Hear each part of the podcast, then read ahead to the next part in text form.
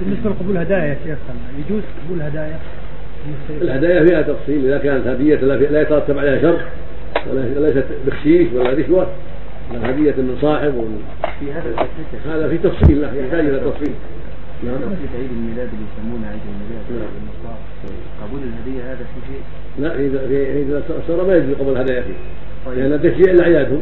طيب معناها والفرق- تشييع لاعيادهم ما يجوز كذلك لا يجوز حضورها ولا مشاركتهم فيها ولا تشجيعهم عليها ولا معاونه فيها ولا اهداهم شيئا لاعيادهم كل هذا معناه- معناه اقرارهم على المنكر وموافقتهم عليه